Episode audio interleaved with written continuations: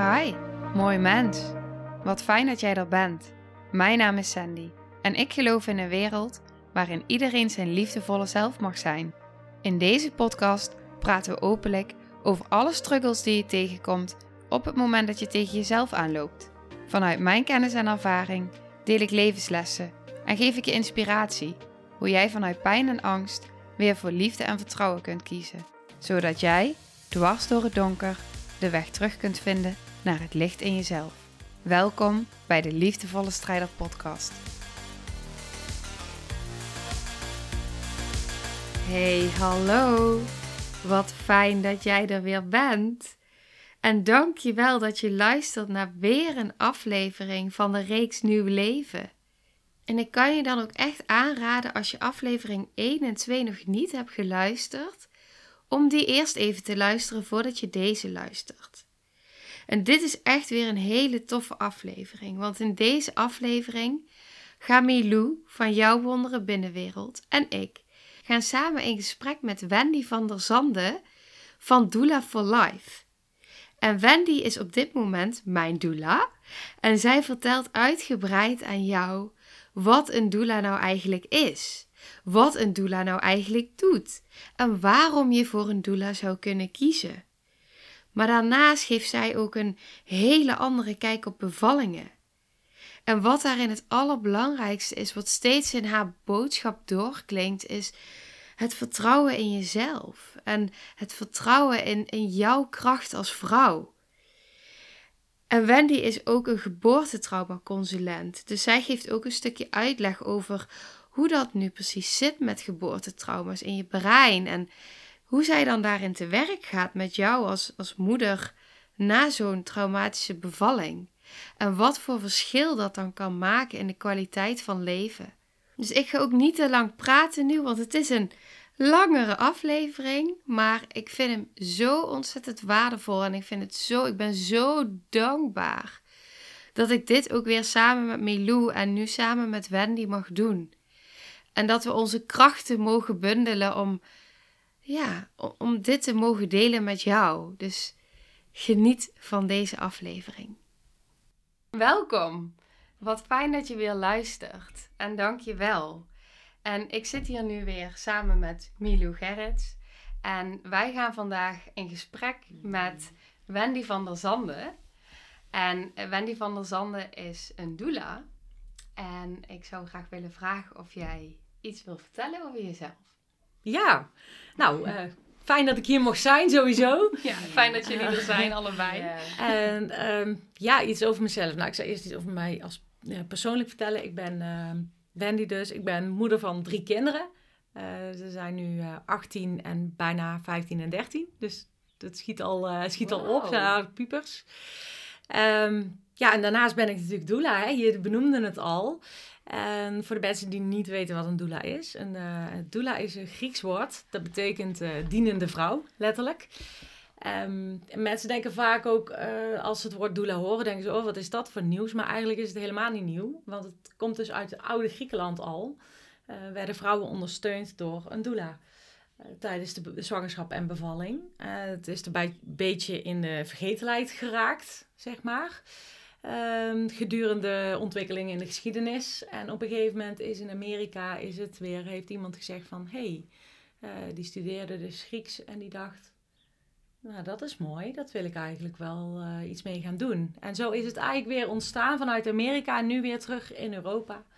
Um, omdat je ook merkt dat vrouwen gewoon behoefte hebben aan die extra uh, ondersteuning. Ja, dus dat, dat, is gewoon heel erg mooi.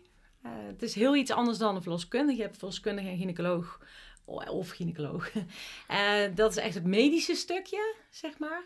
En uh, je hebt de kraamverzorgende, die zorgt echt voor, voor de baby en voor de moeder. En die helpt met het proces met borstvoeding geven en, en begeleidt daarin.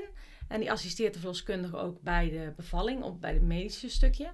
En als doula ben je meer voor het sociale, emotionele en, en, en echt een holistische benadering van, uh, van de vrouw en haar partner. Want je bent er net zo goed voor de partner. Of dat nou een man is of een vrouw, dat maakt niet uit. Maar, hè, want heel vaak hangt die persoon er een beetje bij, zou ik maar zeggen. Mhm. En dat is dus niet de bedoeling. Want die persoon wo- wordt ook vader of moeder. En dat is gewoon belangrijk om mee te nemen. Ja, dus eh, daar maak ik me hard voor, zeg maar. Ja, Dat is super mooi. Ja. Ja. ja. en als je dan zeg maar kijkt op zo'n zo'n dag dat jij dan daar aanwezig bent als doula. Wat is dan het, het allerbelangrijkste wat jij op zo'n moment ja, doet eigenlijk? Je bedoelt bij de bevalling zelf. Ja, Oké, ja. Ik, ik zeg altijd, de kracht van een, eh, van een doula ligt eh, voor 70% in eh, het voortraject naar de bevalling toe. Dus je, krijgt- je hebt eerst een, eh, een kennismakingsgesprek met mensen die graag een doula willen. Ehm, dan kijk je of die klik er is en of jij ook de beste match bent met, eh, met die mensen. Ehm, zij nemen de beslissing uiteindelijk. Eh, dat is het mooie ook van een doula, die kies je zelf. Eh, bij verloskundige praktijk, dan denk je, oh ja, je woont ergens en zit de verloskundige praktijk, ga je naartoe. En vervolgens zitten daar twee, drie, vier, vijf, zes verloskundigen. En die krijg je allemaal, maar je weet niet wie er bij je bevalling gaat zijn. Dus met de een heb je een iets betere klik als met de ander. En een doula, die kies je gewoon helemaal zelf. Op basis vanuit je gevoel. Tenminste, dat is de bedoeling, laat ik het zo zeggen. ja. Dat is heel belangrijk. Ja, dus, dus het- het voorste stuk, zeg maar de kennismakingsgesprek en de andere gesprekken die je hebt voor de bevalling. eh, daarin ga je dus eh, verbinden met elkaar. Ehm, zodat ik de wensen zeg maar door en door leer kennen. En ook weet van, hé, hey, iemand heeft eh, baat bij eh, een bepaalde vorm van ontspanning. Of die wil liever eh, met rust gelaten worden. En de partner heeft bijvoorbeeld wat meer ondersteuning nodig. Komt soms ook dat een vrouw zeg maar heel goed kan ontspannen. En dat een man gewoon niet zo goed weet wat hij moet doen. Eh, en dan help ik hem daarbij. Dus dat, dat hoort er ook bij. Dus dat is zeg maar het meeste, het grootste stuk zit in de voorbereiding. En dan bij de bevalling zelf, dan voel ik ook gewoon heel erg ehm, aan van waar is behoefte aan op dat moment. Dus ik neem het stukje wat van tevoren was mee. Maar ik voel heel goed van, hè, wat, is, wat is er nu nodig? Ja. Ja, Ja, echt het zijn. het zijn. Vooral het zijn. Ja. Ja. Ja, er Ja. zijn voor, voor iedereen Ja. die daar in de situatie is. Ja. Dat is het vooral. Het, eh, er zijn is het belangrijkste. Ja. Ja. En dat begin ziet het eruit als eh, we praten over dingen. Of zijn er bepaalde oefeningen die je samen doet om- om de connectie te versterken. Om te kijken, zijn we een match? Dat is, dat is wisselend. Meestal begin je eerst een gesprek. Ik wil Mhm. graag weten van hè, wat, wat, eh, wat beweegt mensen om een doula eh, te zoeken. Wat is, want er zit een reden achter, er zit een gevoel achter. Ja. En dat kan dus zijn omdat eh, als mensen bijvoorbeeld al een kindje hebben, dat ze een traumatische bevalling hebben meegemaakt. En dat kan heel traumatisch zijn, maar het kan ook gewoon niet fijn aangevoeld hebben. En dat ze zeggen, ik wil die extra ondersteuning hebben. Mhm. Of dat mensen gewoon het gevoel hebben van... Ik wil, eh, ik wil die emotionele ondersteuning. Ik wil dat vaste gezicht. Want ik Mhm. blijf dus altijd, heel de tijd, heel de bevalling erbij. Wauw. Ehm, dus Ja. ja, daar zit, daar zit gewoon verschil in. Ik, dan moet je ook een beetje aanvoelen wat mensen graag willen, wat ze nodig hebben. Dat loopt een beetje, dat verloopt eigenlijk natuurlijk, op een natuurlijke manier. Wauw. Ja, ik denk dat dat echt het aller, aller, allerbelangrijkste is. Dat er gewoon Mhm. iemand is voor jou op zo'n moment. Die er helemaal voor jou is, die aanvoelt. Ook je partner, die ook niet weet wat hem allemaal overkomt. Ja. Jullie worden gewoon samen gesteund in iets wat je niet kent. Ja. En dat is, dat is zo, zo krachtig.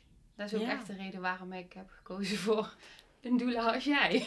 Ja, nou mooi, mooi om te horen. Ja, ja. Nou, dat is het ook. Hè. Ja. Je zet mensen in hun eh, kracht als doula. En ik, Ja. ik geef vertrouwen, maar dat, ik, ik geef vertrouwen, dat klinkt alsof ik een, een cadeautje ga uitdelen van hier heb je vertrouwen. Nee, Mhm. het is ehm, door de gesprekken ehm zorg ik ervoor dat mensen zich vertrouwen hebben, krijgen in zichzelf. Door een stukje zelfreflectie en door een stukje uitleg ook. Want als je weet wat er gaat gebeuren, dan, dan ben je ook niet meer bang voor het onbekende. Nee. Ja. Ja, en inderdaad, we hebben natuurlijk al een eerste gesprek gehad. En ook de dingen die je daarin aangaf, dat ik echt dacht, wow, er gaat gewoon weer een wereld voor me open op dit gebied. Zoveel kennis over je lichaam en, en over hoe dingen nu gaan en hoe het anders kan en de keuzes die je daarin kan maken. Zo fijn dat je daar meer inzicht in krijgt. Ja, Dat er zoveel meer mogelijk is eigenlijk. ja, ja, dat is ook zo. En het is natuurlijk ik zeg ook altijd, het is niet dat er verloskundigen en gynaecologen dat niet willen vertellen, maar ze hebben sowieso de tijd niet. Want ze Ja. hebben vaak 10 minuten voor een, voor een cliënt en, en, of, en dat is het. Eh, en daarin doen ze vooral natuurlijk hè, de, de onderzoeken eh, of de baby goed groeit en of de hartslag goed is. Wat ook hartstikke belangrijk is. Mhm. Eh, maar ze hebben geen tijd voor de, voor de diepgang, voor de één op één begeleiding. Die is er gewoon niet. Dus het heeft niks te maken met, met onwil, maar dat is er niet. Ja. Dus ik zeg ook altijd, een doula is gewoon een aanvulling op eh, de andere zorg die er al is. En wij vervullen gewoon een grote behoefte. Want er zijn niet voor niks steeds meer doula's in Nederland. En steeds meer vrouwen die bevallen met een doula. En die behoefte is er gewoon.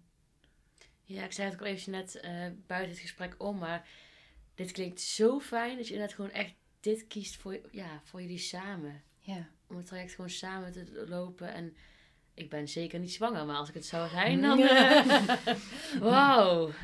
Ja. Wat mooi dat je dit doet. Echt heel mooi. Ja, Ja. nou dankjewel. Ja. Ik doe het ook echt, Ja. echt heel graag. Ja, ik heb echt eh, vijf jaar geleden een, een, begonnen met een proces eh, voor in mezelf. dat ik niet meer gelukkig was met wat ik deed. Toen dacht ik, wat dan? En toen las ik dus over doelen. dacht ik, ja, dit ben ik. Dat, dat zei ik net al eh, Mhm. buiten het gesprek om. Van, ja, dit ben ik, dit wil ik. Ja. En ik ging bellen naar de doula-opleiding. En eh, ja, die startte eigenlijk twee maanden later al. En ik dacht, nou, dat zit helemaal vol. En er was gewoon nog één plek. Die was gewoon voor mij. Dat Ja. moet zo zijn. Ja. Moest zo zijn. Ja. En het was echt eh, ja, gewoon een warm bad waar je instapte. Allemaal vrouwen die, ehm, ja, die ook warm en zorgzaam en liefdevol. an- Anders wil je geen doula worden.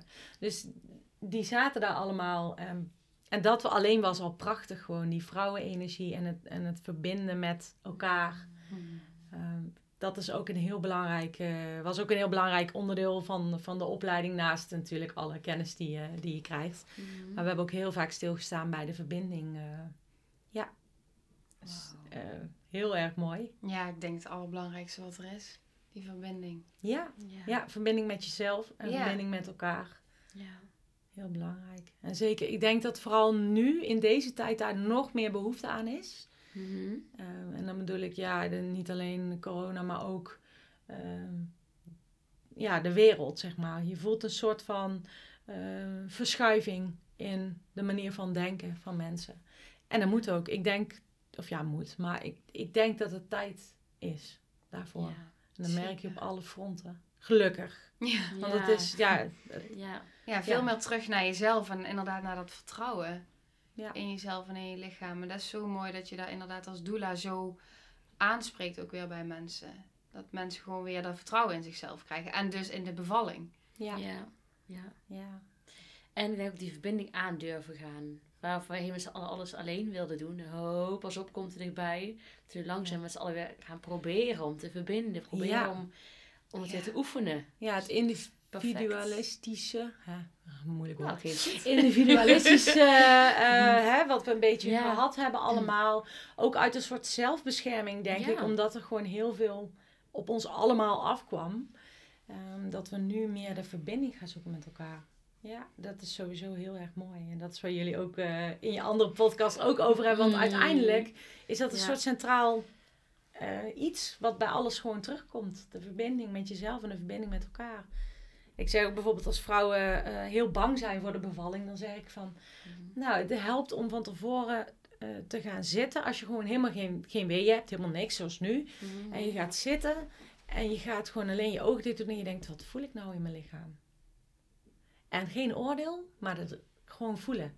Gewoon voelen. Wat voel ik nu? En, en dan voel je ergens weerstand of voel je ergens pijn of voel je ergens...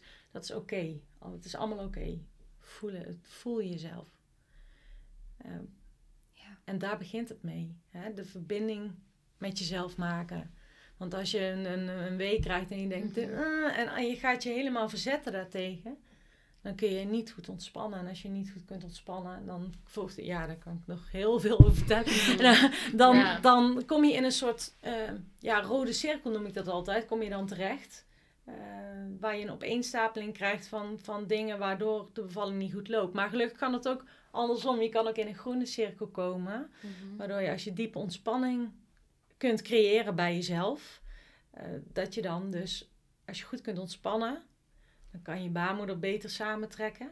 En dan eh, maak je ook lichaams-eigen pijnstillers aan, endorfine. Hmm. Eh, waardoor de toppen van de weeën een beetje worden afgevlakt. Je wordt als vrouw word je echt een beetje stoned. Ik heb het regelmatig gezien bij bevallingen. Hmm. Eh, dat je gewoon, eh, ja, dat je gewoon eh, zit, zit te wiebelen met je ogen dicht. En ik heb wel eens een keer een man gehad en die zei toen, is dat wel goed? tegen mij. En toen zei ik, erbij. toen zei ik tegen hem, dat is perfect. Ik zeg, maak je, maak je geen zorgen, want hij had zijn vrouw gewoon nog nooit zo gezien. Oh, Ik zei, maak je geen zorgen, het gaat helemaal goed. Maar dat is ook een stukje hè, van de ondersteuning, want hij maakte zich op dat moment zorgen. En ik zei tegen hem van, het Ja, is oké, weet je wel. Ja. Ja, en Ja. dat is dus ook het stukje van er zijn voor de partner. Ja, Want, ja. en dus ook weer voor haar. en dus voor haar, Ja. je, je bent Ja. het. Ja. Je, ja. Cirkels is Anders gaat hij zich zorgen maken en zij komt uit haar bubbel. ja, want ze ziet ook van hij is eh, zenuwachtig en hij kan...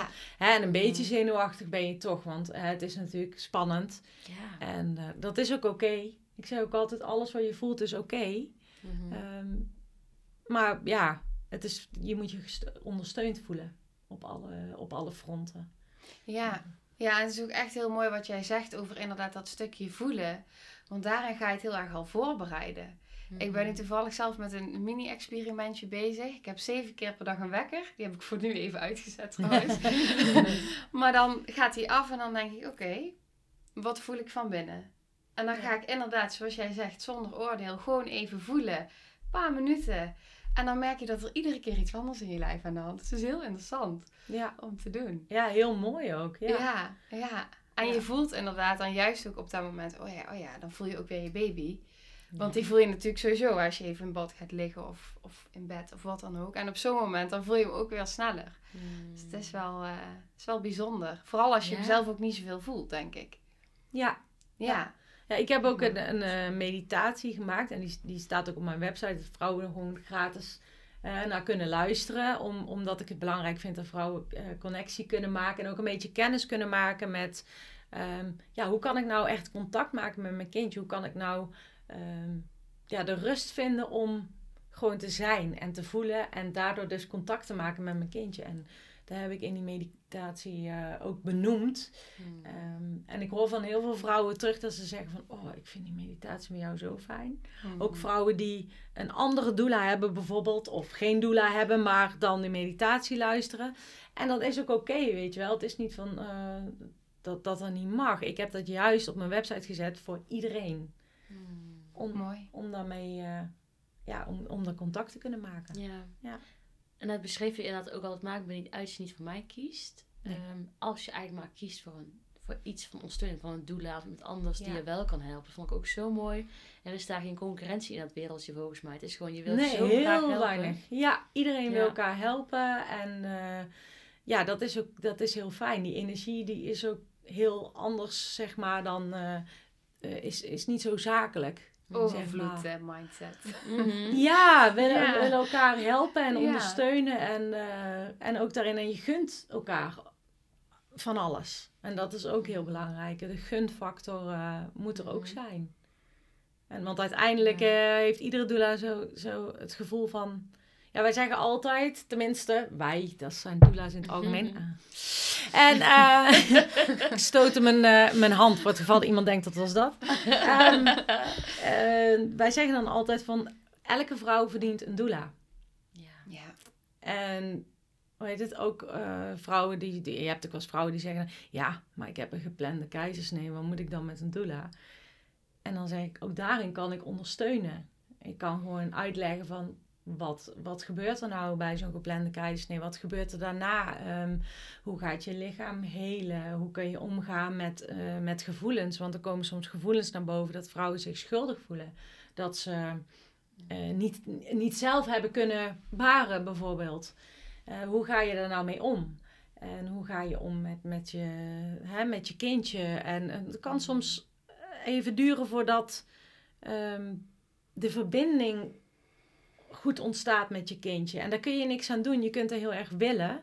Maar het is vaak ook een, een, eh, een cocktail van hormonen, zeg maar, die door een normale bevalling, eh, of normale keizersnee is ook normaal, maar ik bedoel een vaginale bevalling, ehm, ontstaat er een bepaalde cocktail van hormonen, waardoor je dus eh, makkelijker kan binden met je kindje. En iemand die een keisnede meemaakt, die heeft die cocktail van hormonen niet. Dus de wens is er, de wil is er, maar het, er gaat wat meer tijd overheen om dat, eh, om dat voor elkaar te krijgen. En het scheelt heel veel als je daar van tevoren over praat en dingen over uitlegt. Want het valt dan niet eh, koud op je, op je dak dat het, dat het soms eh, moeizaam kan gaan. Soms gaat het ook vrij snel, maar het kan moeizaam gaan. En als je dat weet hoe dat komt en dat het niet je schuld is. want vrouwen hebben, wij vrouwen sowieso hebben heel erg de neiging om te zeggen: oh, dat is mijn schuld en het komt door mij. En, en, en ja, en dat is belangrijk. Je hoeft je nooit schuldig te voelen. Ik zeg, als je een kind op de wereld zet en dan, ehm, het maakt natuurlijk uit hoe een kindje geboren wordt voor jezelf, maar uiteindelijk, je bent, je bent moeder geworden. Jij hebt, dat, jij hebt het kindje gedragen, jij hebt het kindje gekregen. Ehm, ja, en, en daar mag je sowieso altijd trots op zijn, hoe die bevalling ook is verlopen. Je mag altijd trots zijn op jezelf. Dat is gewoon heel, eh, ja, heel belangrijk. Dat probeer ik ook echt mee te geven. Ja, mooi. Heel mooi. Ja. Ja, en ehm, ik hoor heel veel vrouwen die, eh, die vraag die kwam net al in me op. Dat ik dacht, oh ja, die moet ik stellen. Ehm, heel veel vrouwen die heel erg bang zijn voor een thuisbevalling. Ja. En eh, toen hoorde ik jou laatst in ons gesprek vertellen dat sowieso op het moment dat een thuisbevalling er is, eigenlijk het risico heel laag is dat je met nood naar het ziekenhuis moet. Ja. En eh, dat juist vrouwen voor ja, bang zijn dat een, een thuisbevalling dus traumatisch is, terwijl het vaak juist andersom is. Ja. Zou je daar wat meer over kunnen vertellen?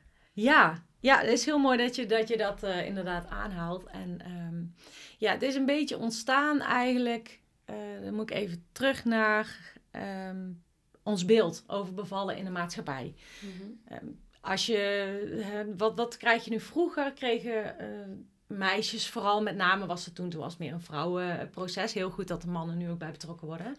Maar het was, een bevalling was heel normaal. Meisjes waren er op een gegeven moment vanaf een jaar of 12, 13, waren ze daar soms bij. Eh, En dan heb ik het echt over eh, de tijd van de oude Grieken en noem maar op. Die waren daar gewoon bij. Een bevalling was gewoon normaal. En dat was niet eng of raar of vies of weet ik veel wat. En nu is een bevalling heel erg weggestopt van de maatschappij. Net zoals doodgaan ook weggestopt is van de maatschappij. Want eh, alles wat heftig is en eng is, of dat, dat moet allemaal eh, achter een gesloten deur. Met als gevolg dat wij dus dat niet meer normaal vinden. Maar vervolgens kijkt iedereen natuurlijk, hè, social media, eh, Netflix, dat soort dingen. Dat is allemaal heel groot. En de, de eerste beelden die meisjes vooral zien, ehm, is via televisie, vi- eh, televisieseries, films, dat soort dingen.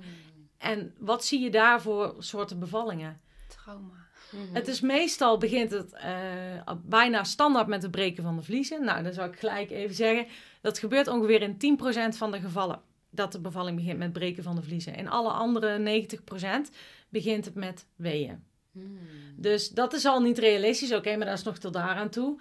Ehm, maar het is ook heel vaak dat vrouwen heel erg eh, boos gaan doen en, en hun man uit gaan schelden. En eh, Ja. dat is wat je dus in series ziet. En het is altijd heftig en schreeuwen. Medisch. Altijd Heel in- heel vaak in Ja, het ziekenhuis, heel vaak in bed. Ik zou ook niet zeggen altijd, want er zijn best wel. ehm, soms zie je best wel eens mooie bevallingen die vrij realistisch zijn in films Mhm. Of in series. Dat, daar is wel een beetje een tendens dat dat wat meer gaat komen, gelukkig. Mhm. Ehm, en ook al weet iedereen dat films en series dat dat niet echt is, dat weet je ook in je werkbrein, toch sla je dat onbewust sla je dat op. En, en daar komt die angst voor bevallen vandaan. eh, die komt daardoor. Door de, ja, Ja, en jouw onderbewuste gelooft alles wat hij ziet. Dus op het moment dat jouw onderbewuste dat ziet op tv, kun je bewust misschien weten, ja, het is, het is maar een film. Ja. Maar jouw onderbewuste 95% die denkt, ja, maar dit is wat ik zie voor informatie, dus Ja. dit is wat ik ga geloven. Dat klopt. Ja, ik probeer het ook altijd eh, uit te leggen bij, bij de cliënt als ik merk dat er veel angst zit voor de bevalling. En dan zeggen ze ja, maar op televisie of in films. En dan, dan probeer ik altijd het ijs te breken en dan zeg ik altijd: Heb je ook eh, seks zoals in de film? En dan beginnen mensen allemaal te lachen en dan zeggen ze: Nee, nee. En dan zeg ik: Nou, dus dat, dat is dus hetzelfde. Ja. Het is gewoon in een film eh, of in een televisieserie, dan moet het een groot publiek aanspreken. Dus het moet of eh, super romantisch zijn. Of het moet heftig zijn. Of er moet iets gebeuren. Want anders is het te saai tussen aanhalingstekens voor op televisie. Ja. En, maar dan zeggen mensen, ja, maar kijk wel eens eh, bevallen met Bobby of dat soort dingen. Ook daar worden vrouwen voor gevraagd om mee te doen.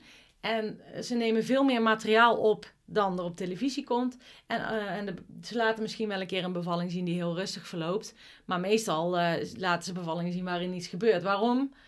Kijkcijfers. Ja. Dat is heel simpel. En dat wil niet zeggen, hè, dat zeg ik ook altijd, hè. Dus de- natuurlijk zijn er bevallingen die, die heftig verlopen of traumatisch verlopen. Die zijn er ook. Het is niet dat die er niet zijn. Alleen ehm, nu is het, het komt over alsof dat het merendeel is. En maar een klein stukje van de mensen, zeg maar, normaal bevalt. En ja, dat is eigenlijk niet zo. Als je, als je kijkt naar, eh, dan zeg ik altijd Afrika, zeggen mensen, ja, maar dan heb je allemaal geen medische zorg en noem maar op. Dat klopt. Mhm.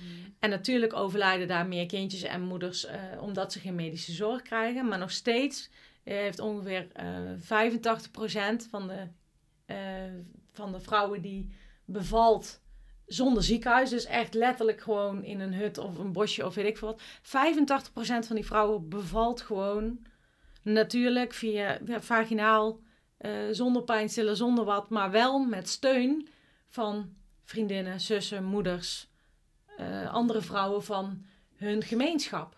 Ja. En dan denk ik van ja, dat, dat zegt toch iets. En natuurlijk, hè, we zijn hartstikke blij met de Mhm. medische kennis die er is. En als het nodig is, is dat natuurlijk fantastisch. En heel fijn dat dat allemaal kan.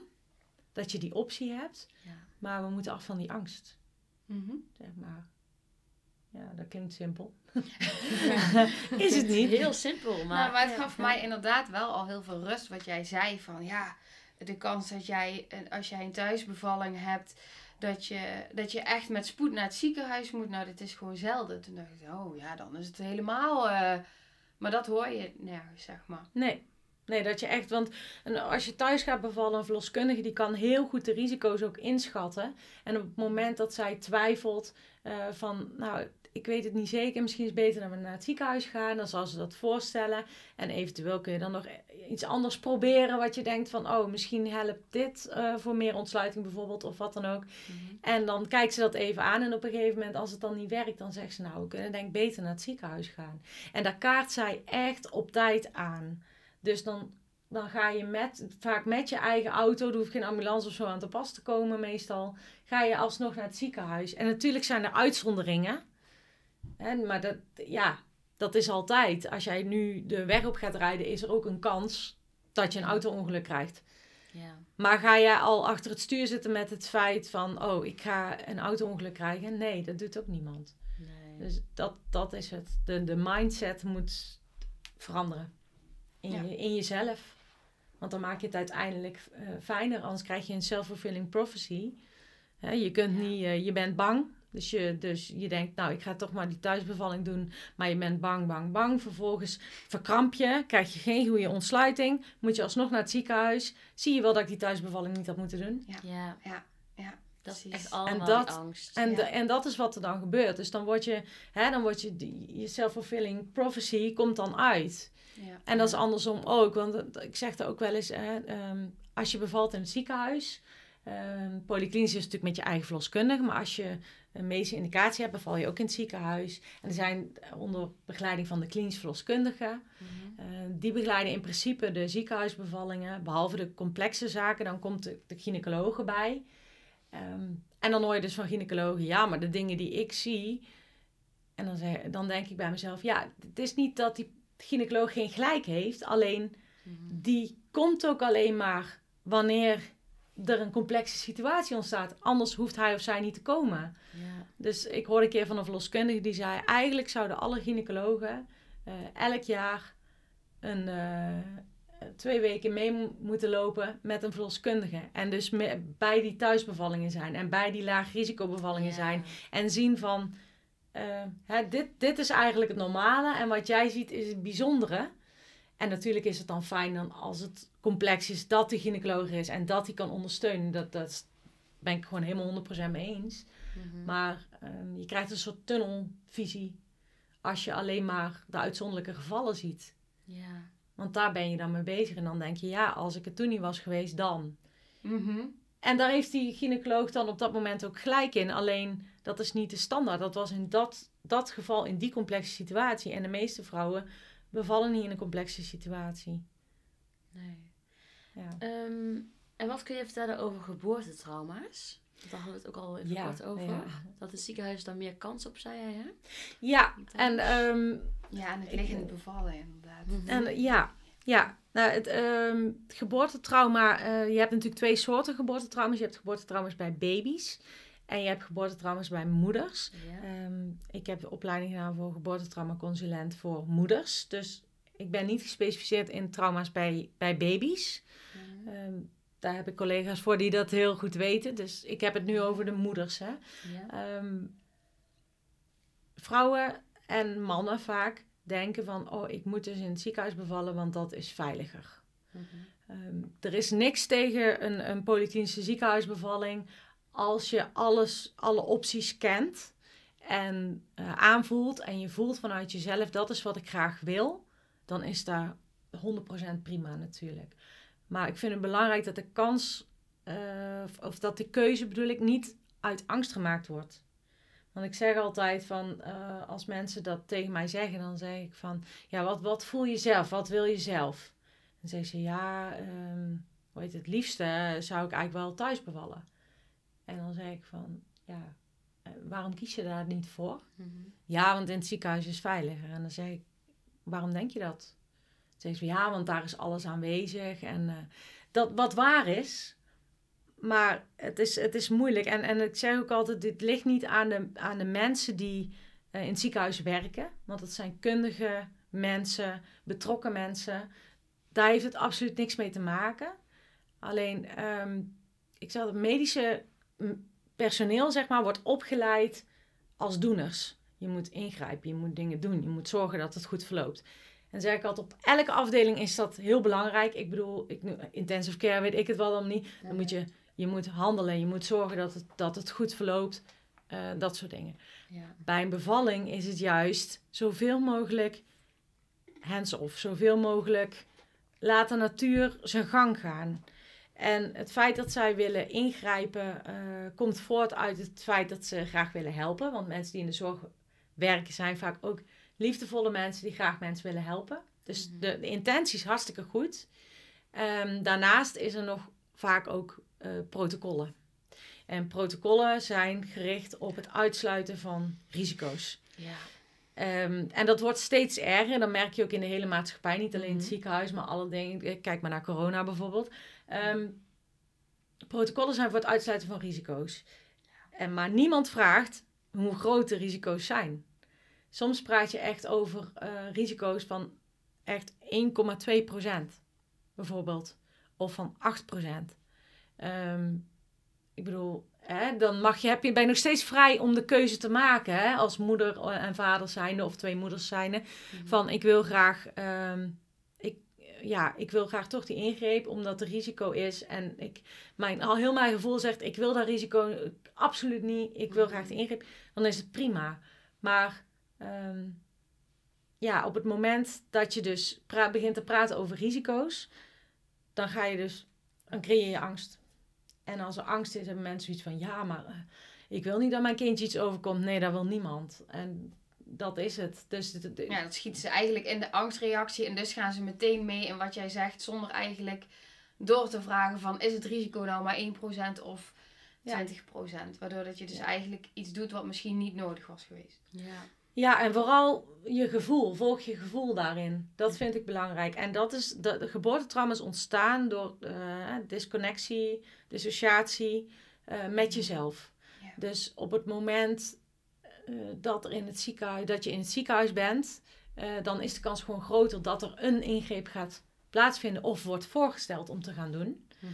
Ehm, bijvoorbeeld, ehm, iemand die komt in het ziekenhuis en eh, de ontsluiting gaat eh, langzamer of niet zo goed. Of, hè, dat kan van alles zijn. Eh, dan wordt er op een gegeven moment wordt er voorgesteld vanuit het ziekenhuis bijvoorbeeld om weeopwekkers te geven. Ehm, dat kan om allerlei uiteenlopende redenen zijn. Het kan zijn dat een, een, vrouw al moe begint te worden en, en die zit nog vrij vroeg in ontsluiting. Ja, dan is ze helemaal uitgeput tegen de tijd dat ze, dat ze volledige ontsluiting heeft. Ehm, ja, dus dan wordt er gezegd, er geven weeopwekkers. Maar op het moment dat er weeopwekkers gegeven worden, gaan, uh, gaan zij volgens het protocol ehm, instellen hoeveel jij krijgt. Zoveel milliliter per minuut. En als, uh, dan komen ze binnen en kijken ze naar de, naar de weeën, naar de apparatuur en noem maar op. En dan zeggen ze, nou, het, is, uh, het is nog niet voldoende. En zij, zij draaien het infuus weer omhoog. Hmm. Dus zij zijn in control, zeg maar. Um, en natuurlijk kun jij, jij mag ten alle tijden altijd aangeven, zeggen van, oh, nou, wow, nou wordt het wel heel heftig, mag terug. En dat zullen ze dan ook doen. Want ik zei altijd, het zijn, het zijn hè, meelevende mensen die graag hè, voor je willen zorgen. Um, maar hoe heet het, je, je verliest de controle. En dat is gewoon het belangrijkste. En op het moment dat je dus weeopwekkers krijgt, is het ook nog zo dat die synthetische oxytocine die je dan krijgt, syntocinon vaak, um, dat molecuul is te groot. Die kan niet door je hersenbarrière heen, wat je natuurlijke oxytocine wel kan. Daardoor, omdat het niet door je hersenbarrière heen kan, komt het niet op de receptoren, maak je minder of geen serotonine aan, die dus maakt dat je de weeën beter aan kan. Plus het wordt ook nog bepaald door andere mensen hoe, hoe, hoe snel het gaat en hoeveel je binnenkrijgt. Dus heel veel vrouwen kunnen op een gegeven moment kunnen de, de pijn niet meer aan. Omdat ze ja, niet meer in controle zijn, maar ook omdat ze die natuurlijke pijnstiller niet goed of niet aanmaken. Ja, dan komt dus, het volgende stukje. Juist, en dan vragen ze dus om pijnstilling. Wat helemaal begrijpelijk is, hè. Mhm. En dan vragen ze om pijnstilling. Um, en dan, uh, dan willen ze dat graag. En dan wordt er, wordt er wel uitgelegd van, nou, uh, het is ook afhankelijk van in welke fase van de bevalling je zit. Welke pijnstiller er nog mogelijk is, dat is één. En mm-hmm. um, wat, wat dan beter is, want daar kijken ze dan natuurlijk naar. Sommige pijnstillers die kun je beter aan het begin van de bevalling geven, en andere beter aan, aan het einde. Dat heeft ook mee te maken wat het kindje uh, binnenkrijgt daarvan. Um, ja, dus dan, dan krijg je natuurlijk ja. pijnstillers. Ik denk ja. de hele tijd, wat is de baby? Wat je kindje Ja, dat denk ik continu. Ja. Denk, jeetje, al die weeën die maar worden opgepusht en die serotonine die minder wordt. En wat doet het met je baby die ja. in jouw baarmoeder? Poeh. Poeh ja. ja, je, Voelt, je voelt hem, hè? Je voelt dat, benauw, dat benauwde en dat... Uh, en, en ja, dat, dat is gewoon helemaal heftig. En vaak is het ook zo als je dan dus... Je krijgt weeopwekkers, daarnaast krijg je dan pijnstillers... Omdat, omdat je dat dan niet meer kunt handelen. Maar door die pijnstillers zit ook weer bijwerking aan. Als je bijvoorbeeld een ruggenprik wil... Um, of, of ja, dat dat de enige optie nog is, dat heb je soms ja, dan kies je daarvoor, zeker als je die, die pijn gewoon niet meer aan kan. Mhm. Als vrouw, dan, dan snap ik dat ook helemaal. Logisch, Snap ik. Kies je ruggenprik en, en, en, er zitten natuurlijk al voordelen aan, want je krijgt meer, meer uh, omdat je die weeën dus uh, minder of minder goed voelt, uh, krijg je een stukje rust. Wat dan weer een heel positief punt is, want als jij rustig bent, is, hè, wordt je kindje ook rustiger. de na nadelen bijvoorbeeld is dat je met een ruggenprik kun je dus niet meer van dat bed af. Dus je, je ligt automatisch al in het bed. Je bent verplicht om dus in het bed te bevallen. De meest onlogische plek om te bevallen en houding om te bevallen is op je rug in bed. Um, ja, dat heeft te maken met uh, de grootte van, uh, van de bekkenopening, het naar achteren kunnen gaan van je staartbeentje, wat allemaal minder is als je op je rug ligt. Maar bij een ruggenprik kan dat niet anders, omdat je gewoon helemaal geen gevoel meer hebt in je benen. Dus het is gewoon, uh, je kunt geen andere houding aannemen, omdat het, het is gewoon niet mogelijk. Dus je moet. En um, ander nadeel van de ruggenprik is dus, omdat je minder gevoel hebt en omdat je dus noem maar op, en dus ook de weeën minder voelt, gaan ze, kunnen ze de ruggenprik wel uitzetten tijdens het persen bijvoorbeeld. Maar dat betekent dat je eigenlijk niks voelt of heel weinig voelt. En dan gaan ze met persen gaan ze hem uitzetten. En dan krijg je ineens die volle kracht te voelen. Ineens vanuit het pijnlevel 0 of 1 of 2 ga je in één keer naar wop, volle bak. Dat kan al heel heftig zijn. En daarnaast... Uh, dus die reactie krijgt dat kindje dan eigenlijk ook weer. Die voelt ook jouw... Ja, schok. Ja, ja, jouw, ja, ja, je schok. Ja, dat. Ja, ja ook. Ja, en uh, hoe heet het? Ja, en dan, en wat er dan weer vaak uh, gebeurt met een, met een ruggenprik, is dat er meer kans is op een vacuümpomverlossing of een, eh, een knip. Ehm, en en je, je, je vrijheid om te bewegen is dus weg. Je hebt ook geen gevoel meer in je benen. Ehm, dus je bent helemaal, ik noem nu echt, dit is ongeveer worst case scenario. wat Ja, ik nu dat. En dat is echt, eh, en dat is echt gewoon, eh, en, en dan treedt dus vaak eh, die dissociatie op. Het hoeft niet per se hoor, want als je ehm, in een ziekenhuis bent waar heel erg het overleg plaatsvindt en waar je heel erg zelf de beslissing neemt. Want soms is het natuurlijk zo, als de weeën echt niet, niet komen op een gegeven moment, eh, dan, dan, dan moet je iets. Dus dan ga je met die weeopwekkers. Alleen eh, het is natuurlijk wel een verschil of dat eh, in overleg met jou wordt gedaan. Dus jij dus aangeeft van ja, ik kan een beetje omhoog of niet. Ehm, en hoe voel je je? En er zijn he- best wel wat ziekenhuizen die dat wel allemaal doen hoor. En daar gaat het om, hè? Dat, je, dat je zelf die regie houdt. Op het moment dat Ja. jij die regie niet hebt, dan, dan heb je meer kans op een geboortetrauma. Ja. Ehm, en uiteindelijk eh, ja, zijn vrouwen in eerste instantie op, dan opgelucht, bijvoorbeeld na zo'n bevalling. En dan is het kindje geboren en dan ben je natuurlijk opgelucht en blij. En je kindje heb je dan bij je. En dan denk je van, oh, nou, het is geweest. Maar dat trauma zit er nog steeds. Ja. En dat blijft eh, aanwezig. En ehm, ja, als je dat wegstopt, op een gegeven moment dan komt dat toch terug. En je krijgt er dus last van in het dagelijks leven. En, maar de, last die je ervan krijgt zijn allemaal... ehm, ja, niet direct dat je aan het trauma denkt. Maar je krijgt bijvoorbeeld hele erg vermoeidheid. ehm, ehm, ja, dat je, dat je geen, geen sociale eh, contacten meer durft aan te gaan. Dat je heel erg op jezelf bent, in jezelf verkeerd bent. Je band met je, met je kindje eh, kan, kan ook minder zijn. Eh, ja, het kan van, er kan van alles eh, gebeuren. als gevolg van dat trauma. En ehm, degene die mij heeft opgeleid, die, die zei ook van... Die heeft één keer een, een vrouw van 70 gehad bij haar. Mm. Eh, en die had van allerlei dingen op psycholoog en overal al geweest. En zelfs in het ziekenhuis inderdaad, omdat ze lichamelijke klachten had, noem maar op. Ze konden nergens iets vinden, ze kwamen nergens uit. En toen op een gegeven moment had ze een stukje gelezen of van iemand gehoord, dat weet ik niet meer precies.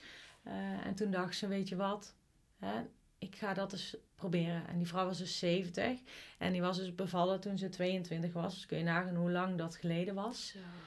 Ehm, en die ging dat hersteltraject doen. En eh, daarna eh, zei ze, nou het was alsof er een gewicht van 20 kilo van mijn schouders af werd gehaald. Wat daar dus al 48 jaar zat. Ja. Ehm, ja, Want moeders komen er dan zelf achter en dan, dan, bellen ze je op. Oké, ik merk dat het niet helemaal goed gaat. ja. Of, ehm, hoe vaak bel jij die moeder bijvoorbeeld nog daarna? Of spreek je die nog? Ja, het hersteltraject is dus, eh, je, hebt, je hebt eerst eh, contact, hè? vrouwen zoeken contact eh, op een gegeven moment. En dan, Mhm. dan heb ik even gesprek aan de telefoon, waarin ik dan vooral even kijk van, oh, wat zijn de klachten en waar zit het? En is het ook te herleiden naar geboortetrauma? En geboortetrauma hoeft niet per se alleen de bevalling te zijn. Mhm. Het kan ook in, tijdens de zwangerschap, als je dan heftige dingen meemaakt. Ehm, en er hoeft niet per se iets met de baby te zijn, maar als persoon, dan kan dat ook eh, traumatisch eh, zijn. Dus dat, ik ga dat wel even kijken van, is het echt gerelateerd aan eh, Mhm. zwangerschap, geboorte in die periode geweest? Of eventueel in de, in de kraamperiode kan ook nog, hè, dat de zwangerschap en bevalling goed gaat, maar in de kraamperiode bijvoorbeeld een kindje plotseling opgenomen moet worden. Eh, of je zelf plotseling opgenomen moet worden en daardoor je kindje dus niet, eh, niet ziet. eh, of die ligt in het ziekenhuis of jij ligt zelf in het ziekenhuis, dat soort dingen. Dat, dat hangt er ook mee samen. Mhm. Ehm, en daarna dan spreken we dus af voor een hersteltraject. En dan heb ik dus een herstelgesprek met, met moeders. En het belangrijkste is dat je dan... ehm, eh, er zit een soort grammofoonplaat, vergelijk ik het wel mee, in je oerbrein. Je bevalt vanuit je oerbrein, hè, vanuit je reptiele brein Mhm. omdat het een basisbehoefte is, net als eten, drinken en voortplanting. En dus bevalling hoort er ook bij. En daar zit een soort harde schijf, een soort plaat, waarop vastgelegd ligt hè, voor je gevoel hoe jij wil bevallen. En als dat eh, enigszins overeenkomt, dan eh, is dat prima. Als dat niet overeenkomt, en er is dan over bepaalde grenzen heen gegaan, of je bent over je eigen grenzen heen gegaan, ehm, dan is die plaat, die blijft, die blijft zeg maar, net als een langspeelplaat, die blijft hangen. En dus je blijft continu in, daarin zitten. En daardoor ehm, heel je dus niet van dat trauma. Hmm. En wat ik ga doen in een herstelgesprek is die plaat opnieuw aanzetten. En hem af laten spelen. Ook al ehm, is die bevalling al lang geweest en kun je er niks meer aan veranderen. Die langspeelplaat opnieuw afspelen is essentieel voor de genezing. Van, eh, en, dan, en dan, ja, dan genezen vrouwen dus ook eh, van het geboortetrauma. Vaak Ja. één gesprek. En dan heb je nog, ehm, hoe heet het? Eh, dan zeg ik vaak, oh, let op, na dat gesprek kun je je wel heel erg moe voelen. En nog, hè, je kan, het komt eruit natuurlijk. Gebeurt veel dan, ja. Ja, en dan heb ik nog, daarna heb ik nog contact met de, met de vrouwen. En dan vraag ik ook van hoe gaat het? En voel je nog die blokkade? En voel, wat, hè, de dingen die je hè, geestelijk en lichamelijk voelde voor het gesprek. Voel je die nu nog steeds? Of zijn die eh weggeëpt? En als het niet voldoende is, dan gaan we gewoon nog een keer eh, daarmee aan de slag. Net zolang totdat die vrouw ehm, die dingen geestelijk en lichamelijk niet meer, eh, niet meer voelt, zeg maar. Want die langspeelplaats zeg jij opnieuw afspelen. Ja. Doe je dat alleen middels gesprek of zijn er ook andere technieken voor? Hoe je dat, Nee, eh, dat doe je door middel van een gesprek en een, eh, een inbeelding. Ja, het is best, het is een beetje, het is, wat je doet is eigenlijk heel simpel. Mhm. Maar de theorie daarachter is echt helemaal ja, wetenschappelijk bewezen ook eh, dat, dat dat dus werkt. Want de meeste mensen met een trauma die, eh, of PTSS die krijgen EMDR-therapie. Mhm. En E EMDR werkt hartstikke goed, maar niet op geboortetrauma's. En dat heeft ermee te maken dat ehm, je hebt een, een eh, werkbrein, hè? Je, je neocortex hebben wij als Mhm. mensen.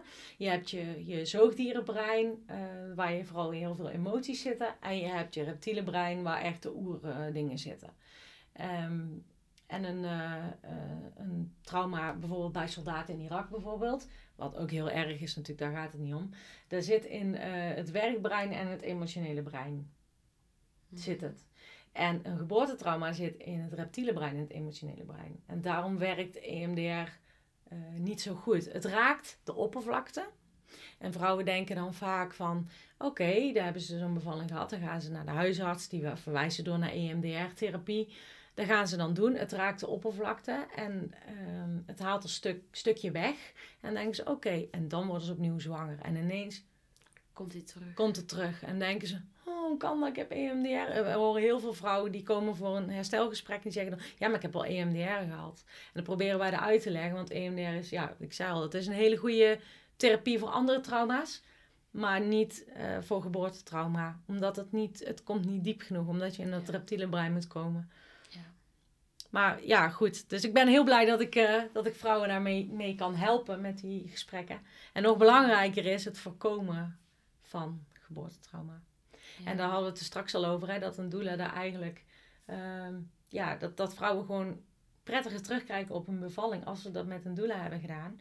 Omdat, ehm, ja, ik als doula daar continu gewoon bij ben, het proces van tevoren, maar ook tijdens de bevalling ben ik erbij. Dus vaak hoeft het dan alleen maar te zijn. En dan, dan kijkt iemand mij aan, de vrouw of de Mm. partner. En dan klem ik Weet je wel, dan gaat het, ik knik een keer of ik zeg van, eh, weet je, het gaat goed. Of ik leg een hand op de schouder of dat soort dingen. Ik kan ook echt dingen doen. Soms vinden vrouwen het gewoon fijn om, eh, om eh, gemasseerd te worden. En dan is die man daar al heel lang mee bezig en die denkt dan, oh, ik heb pijn in mijn handen. en dan neem ik ja. het over. Dus ik doe ook zeker wel praktische dingen als, dat, als daar behoefte aan is. Het is niet dat ik alleen maar op stoel zit te kijken, maar Mm. het is een beetje een wisselwerking. Of ik pak, soms is het zo simpel als even wat te drinken pakken. Of, eh, Ja, en ook wat jij tegen Ja. mij zei met inderdaad de keuzes die je dan op dat moment moet maken. Misschien moet je even een andere keuze maken en dat jij dan ook die persoon bent van... Dat je even bewust wordt, dat je even bij jezelf kan voelen. Ondanks dat jij inderdaad in je reptiele brein helemaal... eh, Ja. ja, Ja. ja. dat Ja. is ook fijn. Want ook jouw Ja. man zit ook in die spanning dan, zeg maar. ja, tuurlijk. Ja, Ja, en dat je dan, eh, hoe heet het? eh, in principe ben ik, ben ik niet, ik ga niet het, het woord voeren in plaats van de man en de vrouw. Maar als ik merk dat er dingen langs hun heen gaan of zo, dan, ehm, dan zeg, spreek ik wel. En dan zeg ik, heb je, heb je het begrepen wat er net werd gezegd Ja, of precies. gevraagd? Ja, En dan ga ik het nog een keer dat is uitleggen. vaak al genoeg. Ja, Denk ik ook. en als het niet eh, is begrepen, dan zeg ik bijvoorbeeld: Oké, als de verloskundige of gynaecoloog dadelijk weer terugkomt, als diegene even weg is of zo, dan zeg ik van: Nou, dan vraag ik het gewoon nog een keer. En dan, dan wordt dat gedaan. En ook van, hè, de, dan zeg ik wel eens van: ah, voel, je, je- voel je je hier goed bij? Of, of wil je even erover nadenken? Maar ik ga niet zeggen dat moet je niet doen of dat moet je wel doen, want de beslissing ligt bij hè, de cliënt en, en haar partner. Ehm, maar het stukje bewustwording Ja, inderdaad. dat. En het, eh, dat, dus dat. En de continue ondersteuning. Continu hetzelfde gezicht. Want ik zei ja, verloskundige. Hè, je weet van tevoren niet wie van de praktijk dat je krijgt. En met de ene heb je misschien eh, meer connectie als met de ander. Ehm, en je kent die mensen wel. Of ja, kent. Je, sommige heb je misschien twee keer tien minuten gezien, inderdaad. Dus je, je kent, laat ik zo zeggen, je herkent ze als ze binnenkomen. Het is geen compleet vreemd gezicht. Maar dat is het. En in het ziekenhuis heb je natuurlijk ook nog te maken met eh, wisseling van diensten. Dus dan kan het zijn, ik ben een keer bij val- bevalling geweest die 26 uur duurde. Die had de ochtend, de middag en de nachtdienst gezien. En die mensen zijn natuurlijk allemaal, wat ik al zei, die zijn heel bekwaam en vriendelijk. En daar gaat het helemaal niet om. Maar het gaat erom dat je net, hè, eh, je bent net gewend aan iemand die je helemaal heeft ondersteund. Ehm, bij, eh, als verpleegkundige of als verloskundige. Of, hè, en, en dan, ja, de shift is voorbij. Diegene die gaat naar huis. En dat snap ik ook. Diegene die, die kan ook onmogelijk bij alle bevallingen blijven waar, waar, waar hij of zij heeft ondersteund. Want ja, dat, dat kan gewoon niet. Maar dan komt er weer een nieuw gezicht. En ondanks dat die mensen dus heel, heel kundig en lief zijn, heb je wel weer een nieuw gezicht waar je tegenaan moet kijken. Dus je hebt het gevoel van, oh, ik moet mijn verhaal weer doen en ik moet dat. En als, en als je een, een, een doula hebt, die, is gewoon, die komt gewoon bij je. Sowieso wanneer jij dat wil in de bevalling. Er zijn mensen die bellen al hè, vrij vroeg in de bevalling. Die willen graag dat je komt. Er zijn ook mensen die kunnen heel goed met z'n tweeën goed ontspannen. En die denken op een gegeven moment, nou laat die doula nou maar komen. En dat is allemaal goed. Het is allemaal oké. Wat, je, wat je voelt, eh, dat voel je. En, maar ik blijf dan ook ehm, bij je. Dus heel de tijd. Hoe lang die bevalling ook duurt, ik blijf erbij. Ik wil niet zeggen dat hè, als de bevalling even heel rustig gaat en je kunt het samen opvangen, zeg maar, dan lig ik misschien wel even op een stoel een beetje zo. eh, hè, want dan word ik natuurlijk ook moe. Maar Mhm. ik, ik ga niet, sla niet slapen en ik blijf erbij. Ehm, en ook na de bevalling, dus 1 tot 2 uur ongeveer na de bevalling, ben ik er ook nog gewoon bij. Totdat we samen merken van, hey, eh, het is oké nu. En dan eh, ga ik naar huis. Maar dat doe je allemaal een beetje op gevoel, eh, doe je dat. Dus je, iemand voelt zich, of iemand, die mensen die ik begeleid, die voelen zich gesteund. Want ik ben er gewoon continu. En op het moment dat zij ehm, het gevoel hebben van, oké, nu is het oké. om eh, dat we samen zijn eh, hè, met de baby en eh, eventueel de kraamhulp er nog eerst bijvoorbeeld. eh, om, die doet vaak wel praktische dingetjes ook. Ehm, dan is het goed. Wauw. Mooi. Ik vind het echt, ik vind het fantastisch. ja, mooi. Ik, zo, ik Ja. wil gewoon doula worden denk ik nu hoor. Wauw. Ja, het is echt, het, Ik Echt. zeg altijd dat ik het mooiste beroep ter wereld heb. Ja. En dat vind ik ook echt. Ja. Het is, eh, wat ik echt heel dankbaar vind, is de, de, ja, de shift die je kunt zien in mensen soms. Ik heb een keer een koppel Mm. gehad, die vrouw die was zo bang. Toen ze ehm, zwanger werd, wist ze één ding zeker, ze ging in het ziekenhuis bevallen. Ze ging in het ziekenhuis bevallen, want daar was het veilig. En eh, echt ja, een beetje het klassieke verhaal wat ik vertelde. Mhm. Uiteindelijk ehm, is, eh, had ze gekozen voor een thuisbevalling in een bevalbad. En zij was zo bang en tijdens die bevalling, zij kon zo goed ontspannen. Zij deed het zo prachtig. En eh, nou, het verliep helemaal goed. Uiteindelijk eh, had ze volledige ontsluiting, is begonnen met persen thuis. Eh, maar haar baarmoeder raakte vermoeid. Dus op een gegeven moment had ze geen persdrang meer. Dus uiteindelijk zijn we wel naar het ziekenhuis moeten gaan. Maar dat is heel erg mooi gegaan. Helemaal een overleg tussen de verloskundige en de vrouw en haar partner. En ik heb hun daarin ondersteund. Ehm, en zij was het ook op een gegeven moment, zei ze ook van, ja weet je, we moeten ook naar het ziekenhuis. Want ja, er moet gewoon, eh, wat gebeuren, want het, het lukt gewoon niet meer. En de verloskundige heeft echt, we hebben van alles geprobeerd en van alles, dat was heel fijn. Maar zij was toen ook oké, want het was uiteindelijk, ze vond het prima. Toen zijn we naar het ziekenhuis gegaan, heeft ze eh eventjes eh weeopwekkers gekregen voor het laatste stukje. Ehm, en dat is eh, goed gekomen, gewoon. En Mm. Ja. het Ja, was, ja. eh, ja, daar ging het om. Het Ja. ging niet om dat het een complete eh, thuisbevalling was.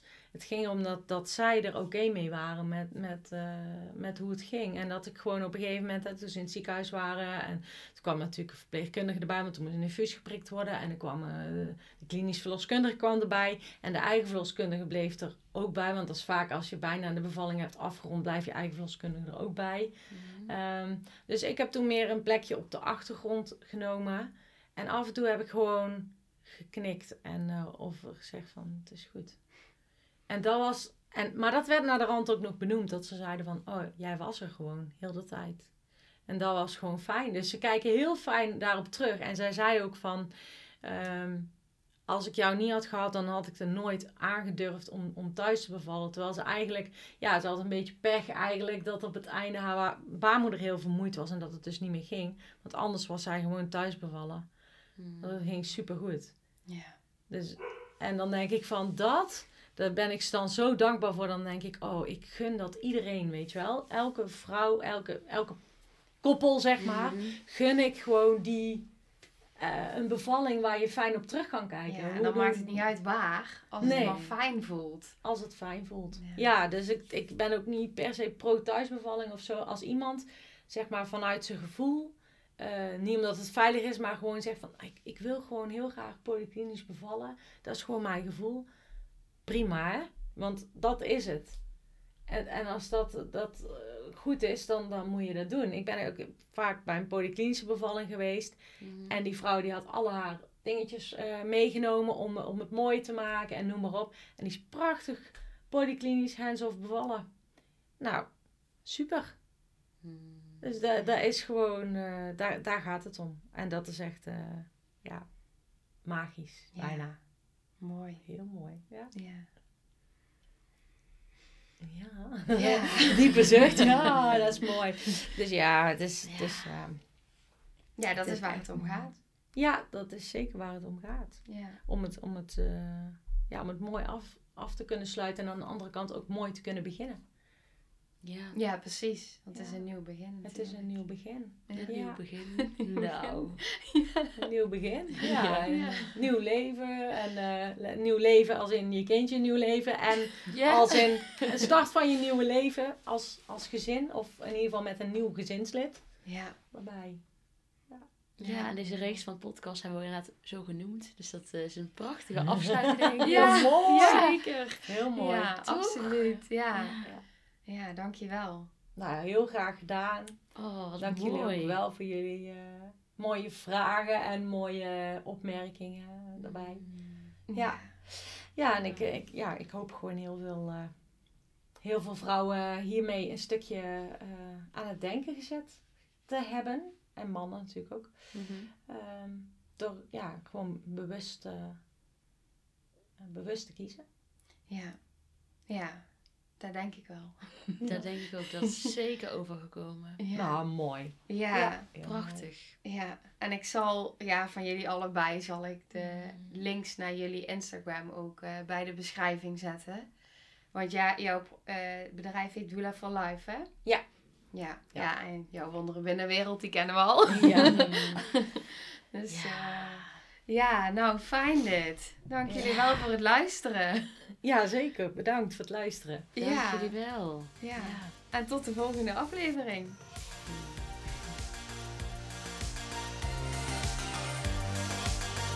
Nou, lieve mensen, ontzettend bedankt voor het luisteren. Ik ben heel benieuwd wat je van de aflevering vond en welk inzicht je eruit hebt gehaald.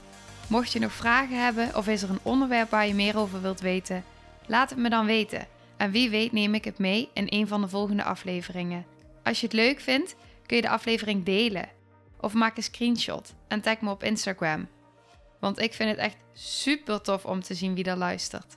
De link van mijn Instagram staat in de beschrijving bij de podcast. En wil je blijvend geïnspireerd worden? Klik dan op abonneer of volgen in de podcast-app waarmee je luistert. Dat zouden ik en alle toekomstige luisteraars enorm waarderen. Want dat zorgt er namelijk voor dat de podcast beter gevonden wordt. Nogmaals, dankjewel voor het luisteren en heel graag tot de volgende aflevering.